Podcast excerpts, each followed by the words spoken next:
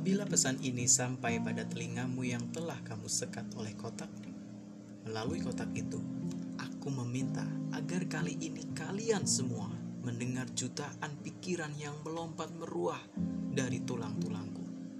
Karena kotak itu lebih kecil dari hasratku padamu. Selamat datang di Cleopi, pendongeng sesuatu bercerita yang gitu-gitu. Cleopi bukanlah podcast misteri, pun bukan podcast investigasi. Podcast sehari-hari yang selalu berimajinasi. Imagination makes your perfection.